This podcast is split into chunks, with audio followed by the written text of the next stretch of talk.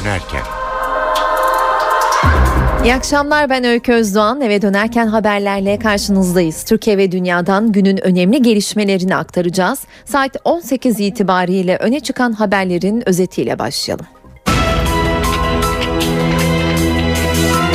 Suriye'ye askeri müdahale kapıda. Batı basını operasyonun kısa süre içinde başlayacağını yazıyor. Ankara'da ise tezkere üzerinden tartışma yürüyor. Başkentlerden yapacağımız canlı bağlantılarla günün röntgenini çekeceğiz. Mısır çarşısı patlaması davasında ağırlaştırılmış müebbet hapis cezasına çarptırılan sosyolog Pınar Selek için kırmızı bülten çıkarıldı. PKK'nın üst düzey yöneticilerinden Cemil Bayık çözüm sürecinin çöküşe gittiğini ileri sürdü. Resepsiyon adres değiştirdi. Devlet erkanlığı bu yıl 30 Ağustos'ta karargah yerine köşkte toplanacak. Dolardaki yukarı yönlü hareketlilik doğalgaza zam olarak yansır mı sorusunu akıllara getirmişti. İyi haber bugün geldi. Enerji Bakanı Taner Yıldız Eylül ayında zam yapılmayacağını açıkladı.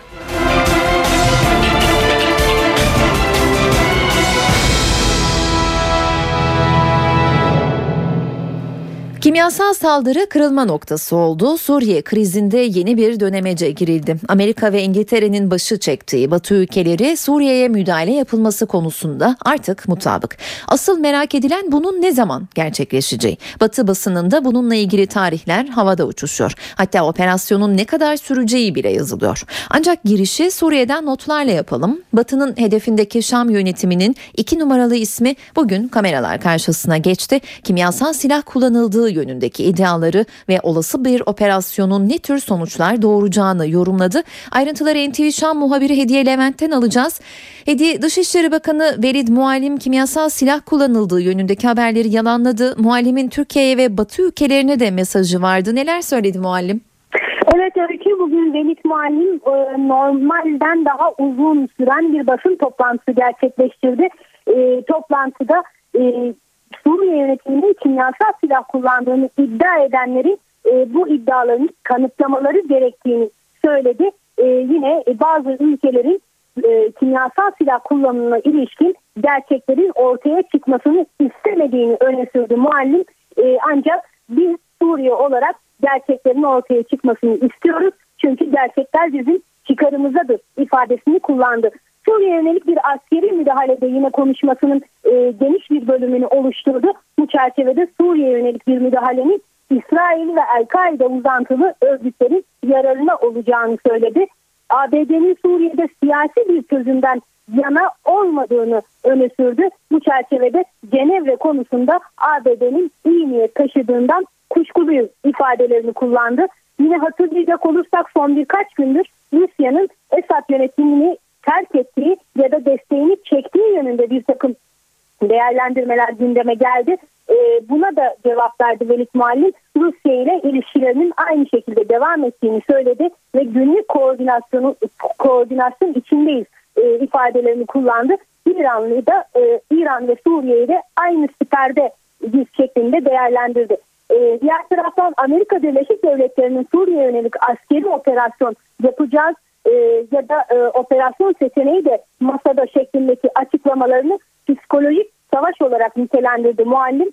Ancak eğer askeri müdahale olursa önümüzde iki seçenek var. Ya teslim olacağız ya da kendimizi savunacağız. Ancak kendimizi savunmamız şaşırtıcı derecede olacaktır ifadelerini kullandı. Konuşmasında e, Türkiye yönelik ithamlar ifadeler de vardı muallemin. Bu çerçevede Suriye yönelik bir askeri operasyonun Türkiye'de bir takım dengeleri bozacağını söyledi. E, muallim Türkiye'de dengeler Mısır ile sarsılmıştı.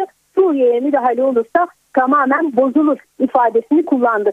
Velid Muallim'in e, toplantısı e, soru ve cevaplar bu şekilde devam ederken diğer taraftan e, Suriye yönelik bir askeri operasyon dair batılı ülkelerden de ardarda arda açıklamalar gelmişti. Biraz önce senin de belirttiğin gibi hangi gün hangi saat e, operasyonun başlayacağı ne kadar süreceği gibi e, tartışmalar da devam ediyor. E, bu arada Suriyeli muhaliflere bazı batılı kaynakların e, bir toplantıda uyarıda bulunduğu yönünde haberler var. Bu çerçevede batılı kaynakların muhaliflere birkaç gün içinde askeri müdahale olabilir dediği iddia ediliyor. yine bazı muhaliflerin, dış muhaliflerin e, batılı ülkelere Suriye'de vurulabilecek hedeflerin listesini verdiği yönünde de haberler var. Öykü. Teşekkürler Hediye. NTV Şam muhabiri Hediye Levent telefon attığımızdaydı. Dışişleri e, Bakanı'nın Velid Muallim'in açıklamalarının ayrıntılarını aktardı. Suriye'ye askeri müdahale senaryoları Beyaz Saray'da da yüksek sesle konuşuluyor, tartışılıyor. Az önce söylediğimiz üzere artık tarih üzerine yoğunlaşılmış durumda. Basın da operasyonun perşembe günü başlayabileceğini belirtiyor. Gün içinde Amerikan Savunma Bakanı'ndan biz hazırız mesajı geldi. Ayrıntıları NTV New York muhabiri Selim Atalay'dan öğreneceğiz. Yönetimden bol miktarda bilgi aktarımı var. Ee, Amerikalı yetkililer ya da Beyaz Saray yetkilileri adı altında füzeler uçmadan önce bombardıman başlamadan önce adettendir malum medya bombardımanı demeç bombardımanı başlar onu görüyoruz yoğun demeç bombardımanıyla Şam üzerinde ve müttefikleri üzerinde baskıyı artırıp baskıyı sonuna kadar sürdürmek bombardımanın etkisini de böylece artırıyor. Geliyorum demek gelmekten daha önce etki yapmaya başlıyor. Şimdi birkaç gün deniyor, perşembe deniyor, birkaç gün sürecek deniyor. iki günlük, üç günlük bir harekat. İşte direnişçilere İstanbul toplantısında dün e, birkaç güne kadar hazırlanın dendiği bildiriliyor. Bütün bunlar yönetimin kontrollü biçimde e, verdiği bilgiler, haberler. Şu noktada aslında e, Birleşmiş Milletler'in e, heyetinin Şam'daki durumuna bakmak gerekiyor. O heyet halen Şam'da bugünkü çalışmaları güvenlik nedeniyle iptal ettikleri söylenmekte. Dolayısıyla önce o heyetin çıkması beklenebilir.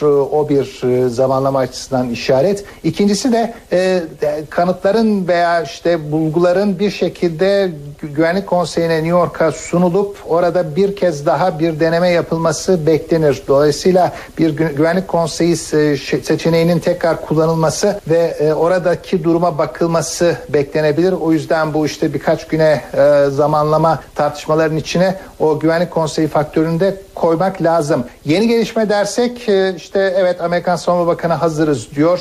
Suriye krizi başladığı andan itibaren planlar yapılmıştı. O planlar güncellendi. Hala o zaman da hazırdılar. Geçen yılda hazırdılar. Şimdi de hazırlar. Orada bir değişiklik yok. Bu arada Amerikan yönetiminin önümüzdeki saatlerde Şam yönetiminin rejimin kimyasal kullandığına dair bir istihbarat raporunu açıklaması bekleniyor. O raporun açıklanacağı söylendi. İddiaya göre rejim elemanları, yöneticileri, komutanlar vesaire arasındaki e, telsiz telefon haberleşmesinin kayıtları e, açıklanacak. Dolayısıyla kendi aralarındaki haberleşmenin ve kimyasal kullanıldığının e, son saldırıda kullanıldığının e, kanıtı olacak. Onun açıklanması bekleniyor. Onun dışında işte e, tekrar hazırlık babından e, zaten askeri e, güç yığılması bölgede var. Mevcut e, güçler kullanılacak. Rusya'dan açıklamalar var. İşte savunma sistemi güçlüdür. Durdurmaya çalışıyoruz. Durdururuz.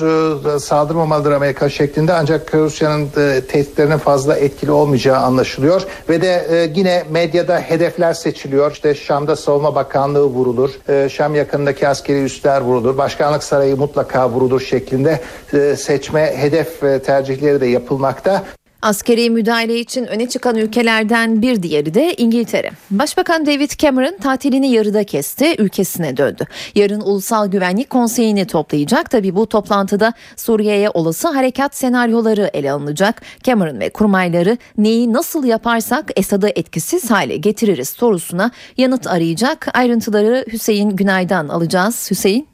Öykü İngiltere'de olağanüstü saatler yaşanıyor bugün itibariyle. Başbakan David Cameron tatilini yarıda kesti ve sabah saatlerinde Londra'da Downing Street'te bulunan 10 numaralı konutuna geldi. Hemen ayağının tozuyla da Suriye'ye müdahale meselesini görüşmek için tatilde olan İngiliz parlamentosunu yani avam kamerasını olağanüstü toplantıya çağıracağını açıkladı ve toplantı e, parlamento toplantısı perşembe günü yapılacak.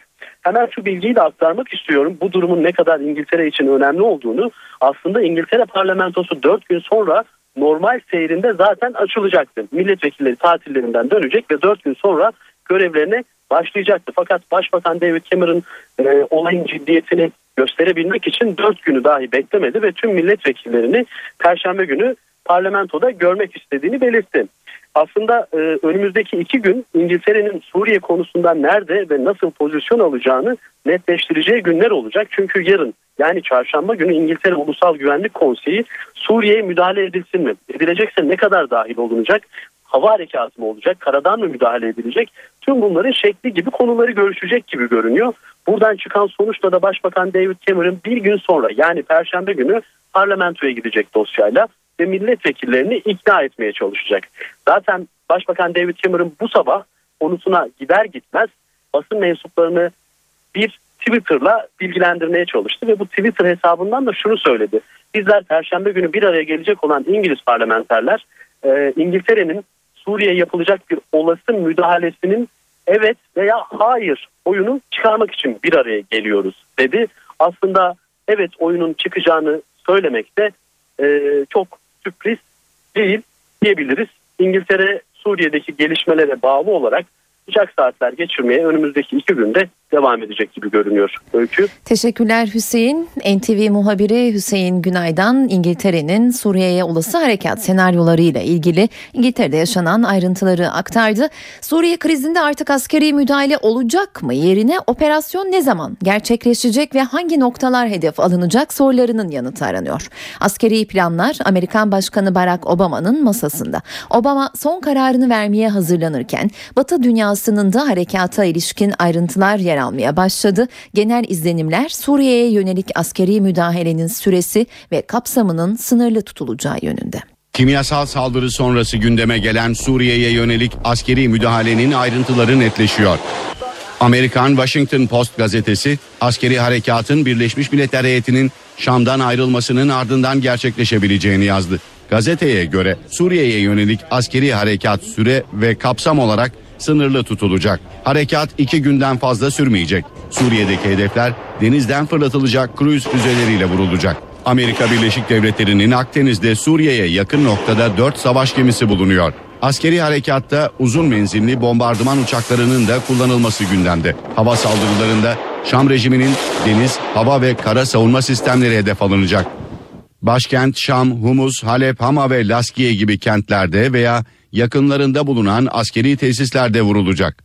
Independent gazetesi ise Şam rejiminin vurulması için bastıran İngiltere'nin harekata Tomahawk ve Tornado füzeleriyle donatılmış denizaltılarıyla destek vereceğini yazdı. Gazeteye göre askeri müdahaleden yana olan Fransa'da Charles de Gaulle uçak gemisi ve Birleşik Arap Emirlikleri'ndeki savaş uçaklarıyla harekata katılacak. Askeri müdahale olasılığı kuvvetlenirken Ankara'da tezkere tartışması başladı. İktidar meclisin Ekim'e kadar geçerli tezkeresinin Suriye'ye müdahale için yeterli hukuki zemini sağladığı görüşünde. Muhalefet ise yeni bir tezkerenin gerekli olduğunu savunuyor. Elimizde bizim Suriye'den gelen güvenlik risklerine karşı silahlı kuvvetlerimizin ve Türkiye hükümetimizin her türlü tedbiri alması yönünde çok güçlü bir tezkere var.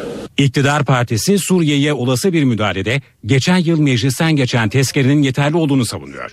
AK Parti sözcüsü Hüseyin Çelik, Ekim ayına kadar geçerli mevcut tezkere konusunda yetki tartışması doğması halinde meclisi 24 saat içinde toplayabileceklerini söyledi. Türkiye Büyük Millet Meclisi 24 saatte toplanabilir ve 24 saatte karar alabilir. Başbakan Yardımcısı Bülent Arınç da gücümüz yeterse yeni bir tezkereyi meclisten çıkarırız diyerek muhalefetten gelen eleştirilere yanıt verdi. Muhalefet partileri ise Suriye'ye müdahale için yeni bir tezkerenin gerekli olduğu görüşünde. Her halükarda e, Türkiye'yi savaşa sürüklemek isteyen bir e, iktidarın e, bu konuda Türkiye Büyük Millet Meclisi'ne gelmesi mutlaka gerekecektir. Tamamıyla Türkiye'nin, Türk Silahlı Kuvvetleri'nin ve Türk insanının güvenliğini temin ile ilgili verilmiş olan bir destekti.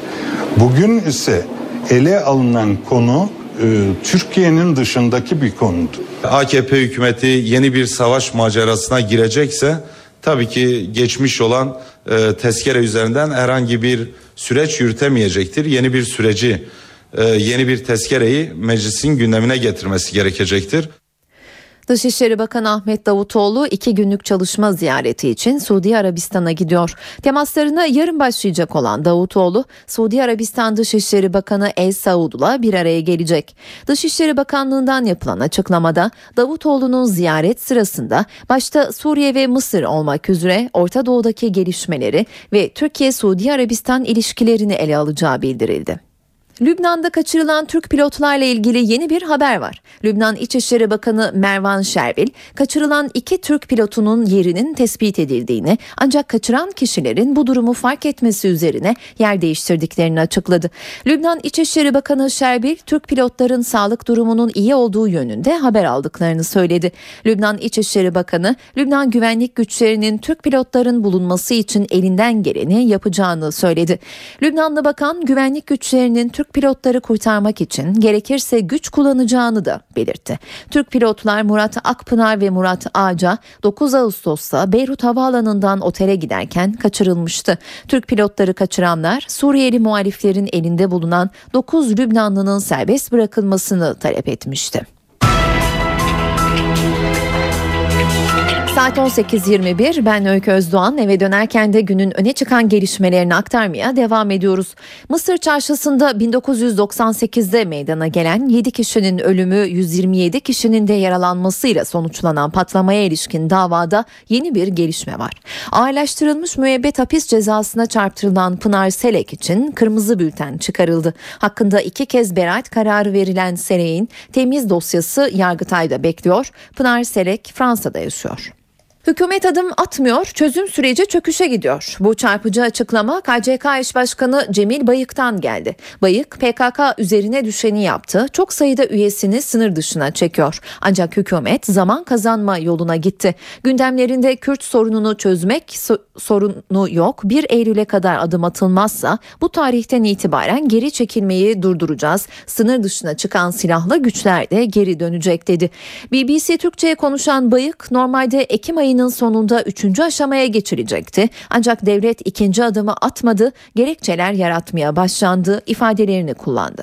30 Ağustos Zafer Bayramı resepsiyonu bu yıl ilk kez Çankaya Köşkü'nde Cumhurbaşkanı Abdullah Gül'ün ev sahipliğinde düzenlenecek. Resepsiyon için 1600 kişiye davetiye gönderildi. Sürpriz ise Ergenekon davasında tahliye olan CHP Zonguldak Milletvekili Mehmet Haberal'a davetiye gitmesiydi. Sayın Cemil Çiçek, Türkiye Büyük Millet Meclisi Başkanı ve eşi. Zafer Bayramı kutlamaları bu yıl ilk kez Genelkurmay karargahından Çankaya Köşkü'ne taşınacak. 30 Ağustos resepsiyonu Cumhurbaşkanı Abdullah Gül ve eşi Hayrun İsa Gül'ün ev sahipliğinde düzenlenecek. Orgeneral Necdet Özel, Genelkurmay Başkanı ve eşi. Resepsiyon için 1600 davetiye gönderildi. Tutuklu milletvekilleri dışında meclisteki tüm milletvekilleri eşleriyle birlikte köşke davet edildi.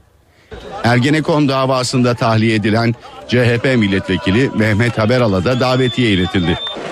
Cumhurbaşkanı Gül'ün eşi Hayrun İsa Gül'le birlikte Çankaya Köşkü'nde vereceği resepsiyona siyasilerin yanı sıra Türk Silahlı Kuvvetleri Komuta Kademesi ile Ankara garnizonunda temsili olarak seçilen subay, az subay ve uzman erbaşlar da katılacak. Orgeneral Servet Yörük, Kara Kuvvetleri Eğitim ve Doktrin Komutanı ve eşi.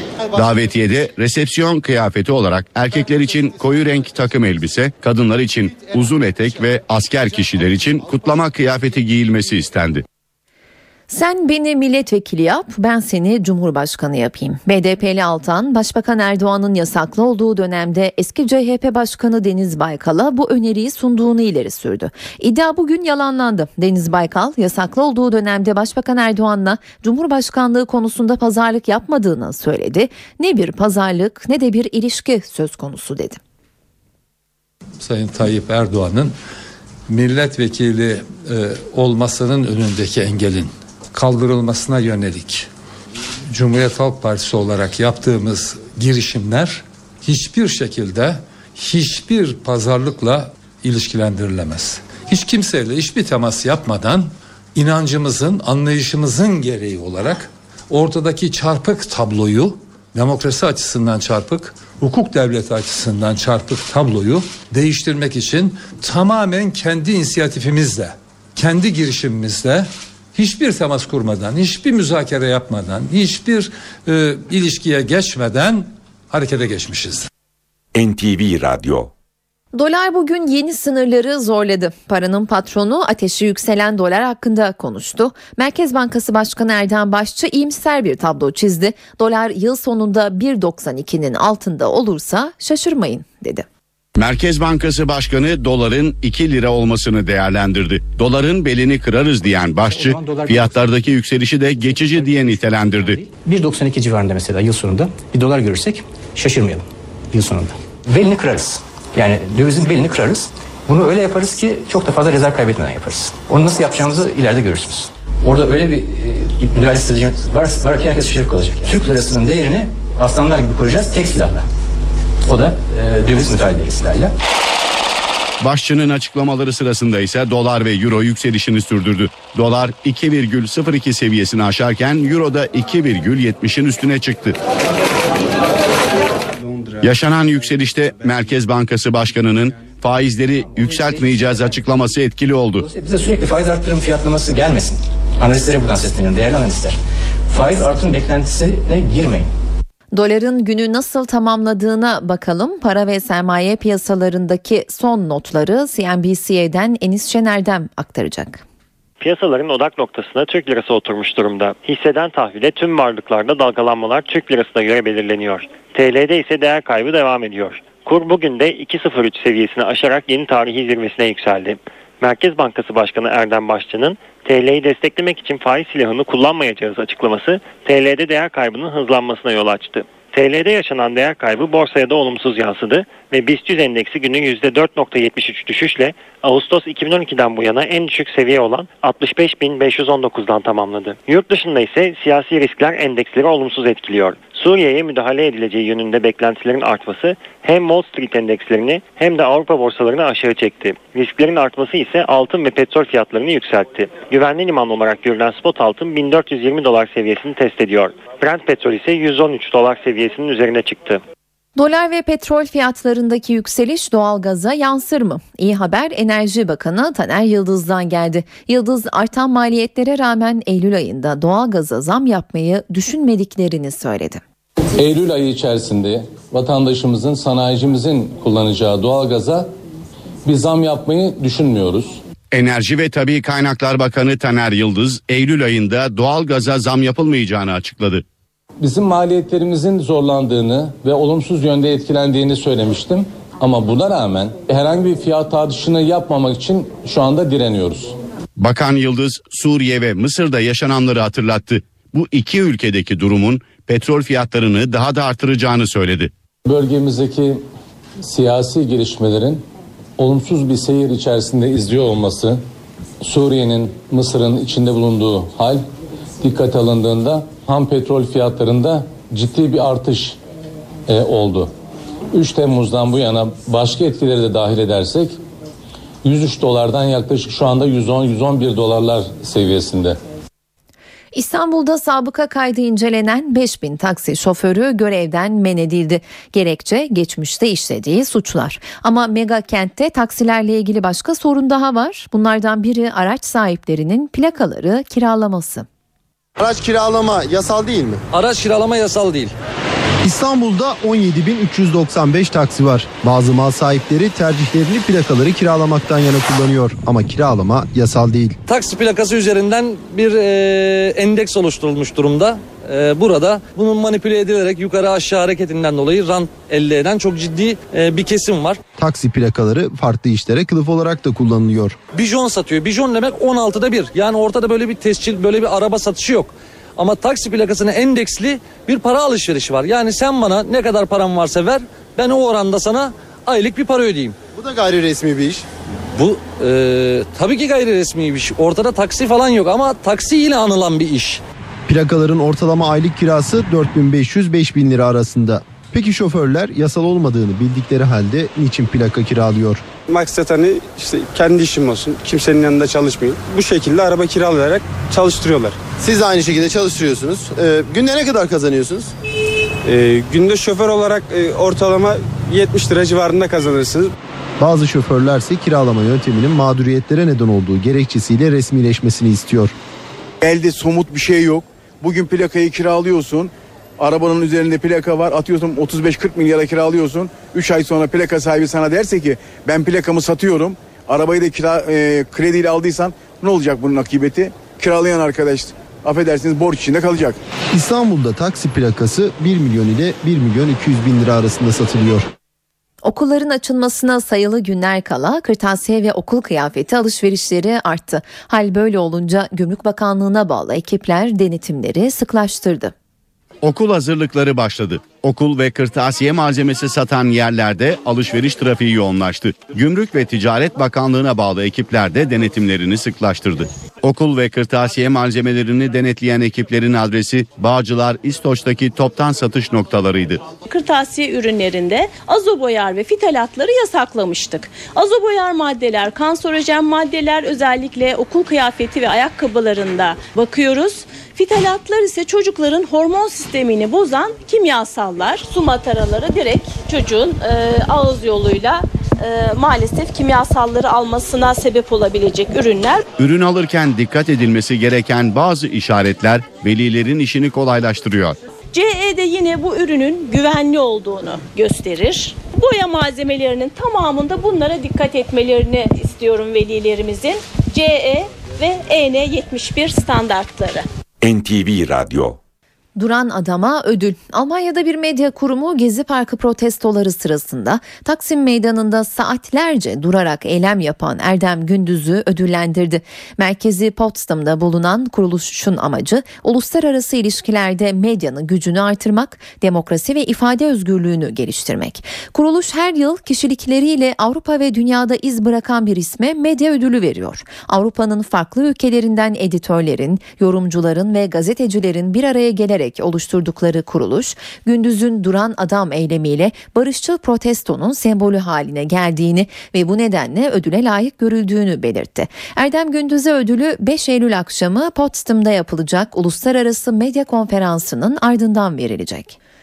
Almanya Başbakanı Angela Merkel yeniden seçilirsem Türkiye politikam değişmez dedi. 22 Eylül'deki seçim öncesinde konuşan Merkel Türk kökenli Alman seçmenlere oy kullanma çağrısında bulundu. Angela Merkel, Türkiye'nin Avrupa Birliği üyeliğine ilişkin Ankara'nın yapması gereken çok şey olduğunu dile getirdi. Merkel, Türkiye Avrupa Birliği Bakanı Egemen Bağış'ın Türkiye'ye Avrupa Birliği tarafından uygulanan vize hakkındaki konuşmasına da değindi. Merkel, Bağış'ın bu saçmalığın sona ermesi gerekir açıklamasını açık sözlü bir değerlendirme olarak niteledi. Yunanistan'daki marketlerde son kullanma tarihi geçmiş yiyecekler yeniden satışa sunulacak. Ekonomik kriz nedeniyle vatandaşların büyük bölümünün geçim sıkıntısı çektiği Yunanistan'da marketlerde son kullanma tarihi sona eren yiyecek ve içeceklerin düşük fiyatlarla yeniden tüketicilerin tercihine sunulması kararlaştırıldı. Uygulama başkent Atina'nın da içinde bulunduğu ve ülke nüfusunun yarısına yakın bölümünün yaşadığı Attiki bölgesinde 1 Eylül'den itibaren başlayacak. Bu tarihten itibaren market ve bakkallarda son kullanma tarihi geçmiş ürünler saklanabilirliği sona ermiş mamul etiketiyle ayrı bölümlerde yerini alacak. Bu ürünlerin sağlığa zarar vermeyecek şekilde korunma ve tüketilme sorumluluğu ise satıcıya ait olacak. Belirli koşullar altında tüketiciye sunulacak yiyecek ve içeceklerin üzerine yazılacak yeni kullanım tarihleri ürün, ürün özelliğine göre 3 aya kadar uzatılabilecek ve restoran, yemekhane gibi geniş kitlelere hizmet veren yerlerde kullanılamayacak. Kanunla belirlenmiş kolay bozulabilir özelliği bulunan mamulleri kapsamayan uygulamada kurallara uymayan satıcılar 5000 euroya kadar para cezasına çarptırılacak. Amerikan Forbes dergisi eğlence dünyasının en fazla kazananlarını açıkladı. Listenin zirvesinde 55 yaşındaki pop dünyasının kraliçesi Madonna var. İlerleyen yaşına rağmen pop dünyasının kraliçesi Madonna eğlence dünyasının zirvesinde.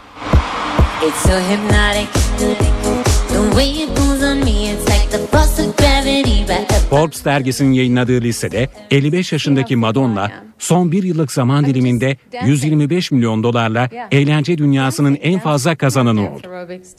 Madonna'nın gelirinin önemli bir bölümünün dünya turundan geldiği belirtiliyor. Listenin iki numarasında ünlü yönetmen Steven Spielberg var. Spielberg 100 milyon dolarlık geliriyle Madonna'yı takip ediyor. Oscar'lı yönetmenin gelirinin büyük bir bölümünü E.T. ve Jurassic Park gibi eski filmlerinin 3 boyutlu versiyonlarıyla Lincoln filmi oluşturuyor. Transformers serisinin yönetmeni Michael Bay 82 milyon dolar, ünlü yapımcı Jerry Bruckheimer ve şarkıcı Lady Gaga da 80 milyon dolar gelirle listenin ilk 10 basamağında yer buldu. Eve dönerken hava durumuyla devam ediyoruz. Son hava tahminlerini NTV Meteoroloji Editörü Gökhan Abur'dan dinleyeceğiz. İyi akşamlar. Sıcak hava tüm yurdu etkisi altına aldı. Sıcaklıklar yarın daha da yükselecek ama Cuma günü Trakya'da, hafta sonu ise Marmara'nın tamamı Batı Karadeniz'de 5-6 derece azalarak ortalamalı değerlerine inecek. Rize, Artvin, Ardahan arasındaki yerel ve kısa süreli yağışlar yarın da devam edecek. Perşembe günü Rize, Artvin arasında hafif yağışlar görülürken Ardahan, Kars, Ağrı arasında yine yerel yağışlar görülecek. Doğudaki yağışların aralıklarla da olsa Cuma günü etkisini sürdürmesini bekliyoruz. Akdeniz boyunca yüksek nem etkisini sürdürürken rüzgarlar oldukça zayıf. Ege'de Bodrum dışında kuvvetli rüzgar beklemiyoruz. O bakımdan bunaltıcılık bir hayli fazla olacak. Marmara'da ise yüksek nem etkisini sürdürürken İç Anadolu bölgemizde doğuda ve güneydoğuda sıcaklıklar mevsim ortalamaların 5-6 derece üzerinde olmaya devam edecek. İstanbul'da yarın sabah yine pus var. Gün ortası hava açık sıcaklık 34 dereceye kadar çıkacak. Gece sıcaklığı ise 23 derece olacak.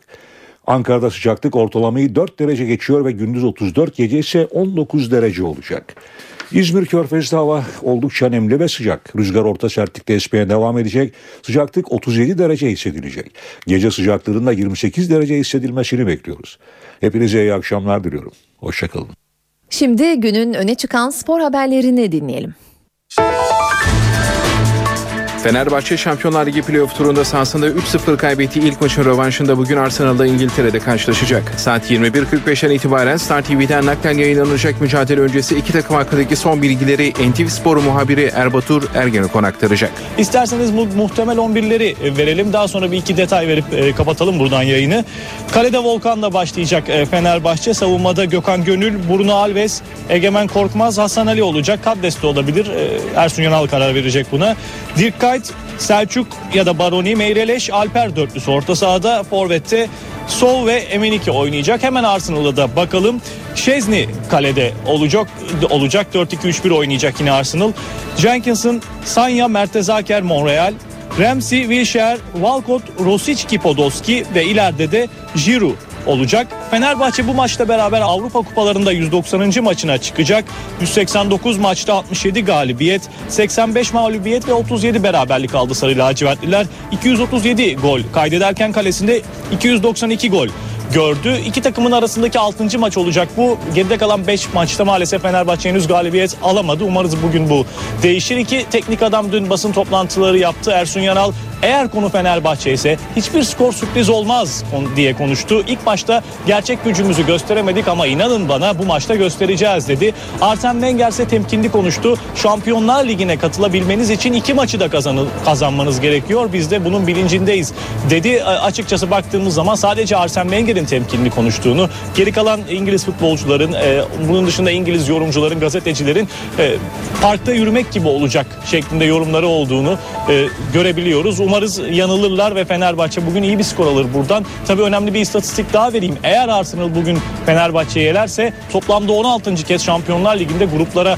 kalacak gerçekten üst üste e, büyük bir rekor bu da. Gelişmeler oldukça biz buradan Emirates stadından aktarmaya devam edeceğiz. Fenerbahçe Kulübü'nün UEFA Disiplin Kurulu'nun verdiği Avrupa Kupalarından 2 yıl men cezası ile ilgili Uluslararası Spor Tahkim Mahkemesi KAS yaptığı başvurunun görüşüldüğü duruşma toplantıların ardından kararını yarın açıklaması bekleniyor. KAS'ın yarın açıklaması beklenen kararında UEFA Avrupa Şampiyonlar Ligi playoff turunun rövanşında bu akşam deplasmanda İngiltere'nin Arsenal takımıyla karşılaşacak Sarı Lacivertli futbol takımının bu sezon ve gelecek sezon için Avrupa Kupalarındaki durumunu belli edecek. Lozan'daki duruşmalı toplantılarda çok sayıda tanık da götürerek geniş kapsamlı bir savunma yapan Fenerbahçe cephesi lehte bir karar beklentisi içinde. Fenerbahçe Kulübü'nün UEFA Disiplin Kurulu'nun Süper Lig'de 2010-2011 sezonuna ilişkin şike davasını ilgili verdiği 2 artı 1 yıl men cezası için UEFA Tahkim Kurulu'na yaptığı itirazla ceza 2 yıla düşürülmüştü. UEFA Disiplin Kurulu'nun Beşiktaş'la ilgili kararını ise 30 Ağustos günü vermesi bekleniyor. Beşiktaş, Kayseri Erciyesspor karşısında iki kez geriye düştüğü maçı 4-2 kazandı ve Süper Lig'de ikinci haftayı lider kapadı. Gol duellosu şeklinde geçen maçta Kayseri Erciyesspor, Atiba'nın Yasin'i düşürmesiyle 11. dakikada penaltı kazandı. Atışı Vilemicki gole çevirdi. 23. dakikada Veli'nin pasında Fernandez topu ağları göndererek Beşiktaş'a beraberliği getirdi. 41. dakikada Yasin Öztekin'in golüyle Kayseri Erciyesspor devreyi 2-1 önde tamamladı. İkinci yarıda oyunun hakimi olan Beşiktaş, 51. dakikada Gökhan Töre'nin golüyle 2-2 beraber beraberliği sağladı. Siyah beyazlar 65. dakikada Escude'nin kafa golüyle 3-2 öne geçti. 86. dakikada Almedia'nın golü Beşiktaş'ın galibiyetini perçinledi. Erciyes Spor'dan Azo Feyfa 90. dakikada çift sarıdan kırmızı kart gördü. İkinci hafta sonunda iki galibiyet alan tek takım olan siyah beyazlar liderlik koltuğuna oturdu. Trabzonspor sezonun ilk galibiyetini Karadeniz derbisinde aldı. Bordo Mavili takım Çaykur Rizespor'u 2-1 mağlup etti. Trabzonspor Amnelker'deki maça adeta golle başladı. Henüz ikinci dakikada Adrian ceza sahasının dışından sert bir vuruşla topu ağlara gönderdi. Mücadelenin 40. dakikasında Çaykur Rizespor Tevfik Kösel'e beraberliği yakaladı.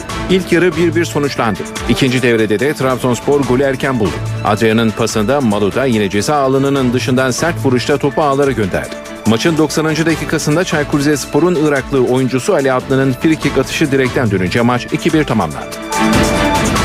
Türkiye'nin ev sahipliğini üstlendiği erkekler 21 yaş altı Dünya Voleybol Şampiyonası'nda grup maçları tamamlandı. A grubunda mücadele eden Türkiye, Hindistan, Fas, Mısır ve Çin'i mağlup ederek grubu lider bitirdi ve son 16 takım arasına kaldı. B grubunun dördüncüsü Meksika ile eşleşen genç millilerde hedef çeyrek finale kalabilmek. B grubunda mücadele eden Meksika, Japonya, Arjantin ve İran'a mağlup olurken grupta son sırada yer alan Estonya'ya karşı galip gelerek gruptan çıktı. Türkiye-Meksika karşılaşması yarın 18.30'da Ankara Başkent Voleybol Salonu'nda oynanacak. Gelelim kültür sanat dünyasından haberlere günün etkinliklerinden öneriler var sırada. Salt Ulus Modern Türkiye'nin Osmanlı mirasını keşfi Ali Saim Ülgen arşivine ev sahipliği yapıyor. Araştırmacı, mimar ve restoratör Ali Saim Ülgen'in dünyasından yola çıkarak 1960 öncesi Türkiye'sinde kültür varlıklarının durumu ve dönemin restorasyon pratikleri hakkında bir kesit sunan sergi 14 Eylül'e kadar görülebilir. Demarin Turgut Reis Uluslararası Klasik Müzik Festivali bir günlük aranın ardından devam ediyor. Doğuş grubu kurucu destekçiliğiyle Demarin Turgut Reis'te düzenlenen festival bir marinada düzenlenen ilk ve tek festival. NTV Radyo'nun medya sponsoru olduğu festival geçen yıl Donizetti Klasik Müzik Ödülleri'nde yılın en iyi klasik müzik etkinliği seçilmişti. Festival bu akşam Amsterdam Sinfoniyetta'yı müzikseverlerle bir araya getiriyor. Amsterdam Sinfonietta dünyanın dört bir yanından 22 müzisyenden oluşan bir müzik topluluğu. Tüm müzisyenlerin yaylı çalgılar çaldığı topluluğa violonsel Daniel Müller Schott eşlik edecek. Repertuarındaki cello konçertolarıyla tanınan ünlü violonselle Amsterdam Sinfonietta saat 21.30'da başlayacak performansına. Yeni Türkü ise İzmir'de hayranları için bir konser veriyor. Grup sevilen şarkılarıyla saat 21'de sahnede olacak. Konsere Bostanlı Suat Taşer Açık Hava Tiyatrosu ev sahipliği yapıyor. Sarp da Kuşadası'nda olacak bu akşam. Sanatçı müzikseverlerle Hayal Kahvesi Kuşadası'nda bir araya geliyor. Sarp'ın sevilen şarkılarını seslendireceği konseri saat 21.30'da başlıyor. Antalya'da Troya'yı ağırlayacak bu akşam. Gösteri Aspendos Arena'da izlenebilir. Troya'nın saat 21.15'te başlayacağını ekleyelim. Bu akşam evdeyseniz CNBC'de The Accident adlı film izlenebilir. Filmin başrollerini Uma Thurman, Jeffrey Dean Morgan ve Colin Firth paylaşıyor. Griffin Dunn'ın yönetmenliğini üstlendiği film saat 22'de başlıyor. Öncesinde ise saat 21'de CSI New York ekranda olacak. Star TV'de de saat 20'de yerli film Erkek Güzeli Sefil Bilo, 21.45'te ise Arsenal Fenerbahçe maçı ekrana gelecek. Böylece eve dönerken programının sonuna geldik. Ben Öykü Özdoğan. Yarın akşam aynı saatte karşınızda olacağız. Şimdilik hoşçakalın.